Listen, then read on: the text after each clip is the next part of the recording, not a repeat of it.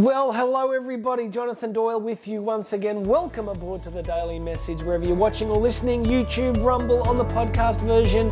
Hello, hello, and welcome. Please make sure you have subscribed. Hit that little subscribe button and grab yourself free access to my book, Bridging the Gap. There'll be a link here underneath.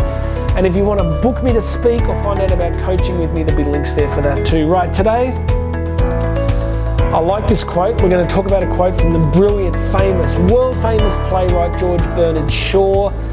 I really like this one. Let's do it. Life isn't about finding yourself, life is about creating yourself. I like this one. There's a lot to it. It's short, but there's a lot to it. It's easy to believe, you know, we've all heard this mantra of we have to find out who we are. I had a friend once who went through a really bad relationship breakdown, and uh, they went to Mount Everest they didn't go to the top. They went to base camp and they kind of sat there and they went and meditated. And they're great, you know, really good, not being cynical about it. But I sort of said, you know, what did you learn? What did you experience? And they're like, yeah, nothing. Just came back. Now, I know that some people do have remarkable moments of transcendence at different moments in life. We all have them, I guess, at different stages in life. But there's this idea, isn't there, that really the, the way to have a full life is to know who we are, to find ourselves I don't know how we got lost, right? I mean, how do you lose yourself? I, it's, it's a complex question, but don't you think there's this idea in our culture that we have to find ourselves, we have to be true to ourselves and know who we really are? What Bernard Shaw, George Bernard Shaw is saying here is it isn't about finding yourself, it's about creating yourself. Now, when I first read that, I thought that's a little contentious for me because we're not just infinitely creating ourselves. There must be some fixed point of our identity. There's, there's, there's raw material that, that makes us up, right? We're all different. We're, we're not just all completely free floating entities that just create ourselves from scratch. We've all got fixed aspects of personality, genetically, uh, experientially, in terms of what we've lived with and grown up with. But what I think he's getting at is something else. I think we do get to create ourselves in important ways. I think God gives us the freedom to think about who we are, what we've come from, and what we want. Because desire, wanting stuff, is a very, very human experience, right? I can't imagine anybody doesn't go through life not having that experience. Of course, we do. We have desire for food, for relationship, for romance, for exercise, for sunshine. We, we, we're desiring creatures, right? We also have this incredible ability to perceive a different future for ourselves. We actually have an ability to go, my life is like it is now, but I can imagine it being different in the future if I do different things. So we see this incredible human capacity to create ourselves by desiring different things and then acting in ways that draw us closer to those desires. So, how do we create ourselves? In vast numbers of ways. By what we read, by what we eat, by who we spend time with, by what we think about, by our spiritual experiences and choices, by our physical experiences and choices.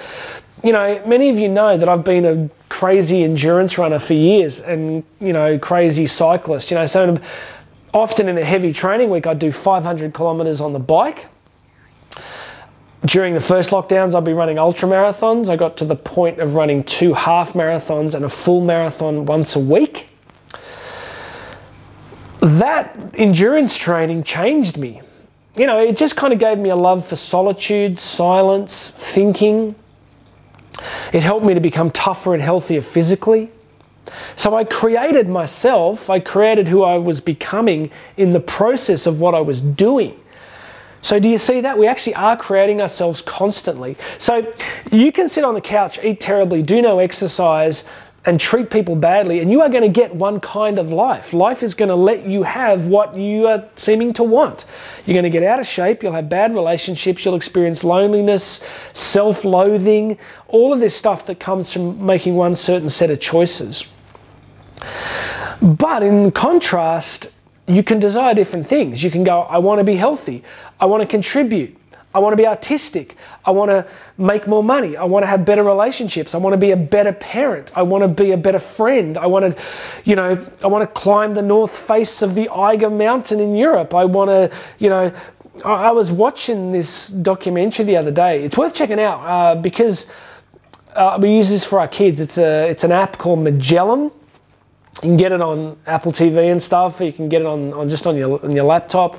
It's a documentary channel, just amazing documentaries. The other day we we're watching this one where um, this woman just broke the record for swimming under ice. Like she was in northern Finland on a single breath.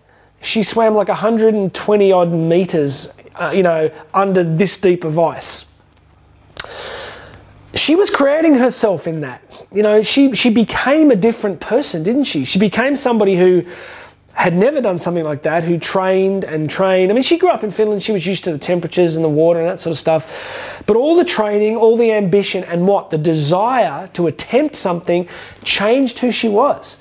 So she went from being somebody who'd never done it to somebody who had done it and become a different person in the process. That's an extreme example.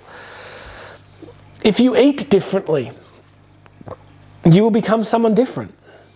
If you exercise more, you'll become someone different. If you practice more patience, you'll become somebody different. The Greeks were onto this, you know, two and a half thousand years ago. Aristotle was huge on this, that you become what you do. So, look, I don't want to go on too much. Let's finish with it. Life is not about finding yourself. Because if you find yourself, hey, like, well, there I am, then what? Now what do we do? I found myself. What are we going to do? Well, why don't we go create ourselves? I think creating yourself is a much more interesting journey than finding yourself. So go and create something amazing. You know, I have to talk about my dad. You know, my father had a very hard life and um, he died a long time ago and, and he never really got to enjoy his life. And I think so much of what drives me is this kind of stuff, is, is looking at what he didn't do and wanting to make sure that I honour his memory by trying to live fully. And now that I have kids, my kids are just, they're always saying, you know, they're just like, Dad, like, how far did you run today? I say, you know, 30k. And they're like, yeah, right, okay. And, um, you know, in a few weeks, me and my son are going to do a 2,000 kilometre motorbike trip together. Because we want to have these experiences, because I want them to see somebody who wants to experience and enjoy and be involved in life so that when I'm gone they can draw on that. So I got to stop. I'm getting excited, getting carried away. God bless you. Please make sure you've subscribed. Grab the free copy of my book, Bridging the Gap. Check out the links to speaking and to coaching with me. But listen, go out there, stop looking for yourself, start creating yourself. God bless. My name is Jonathan Doyle. I'll have another message for you tomorrow.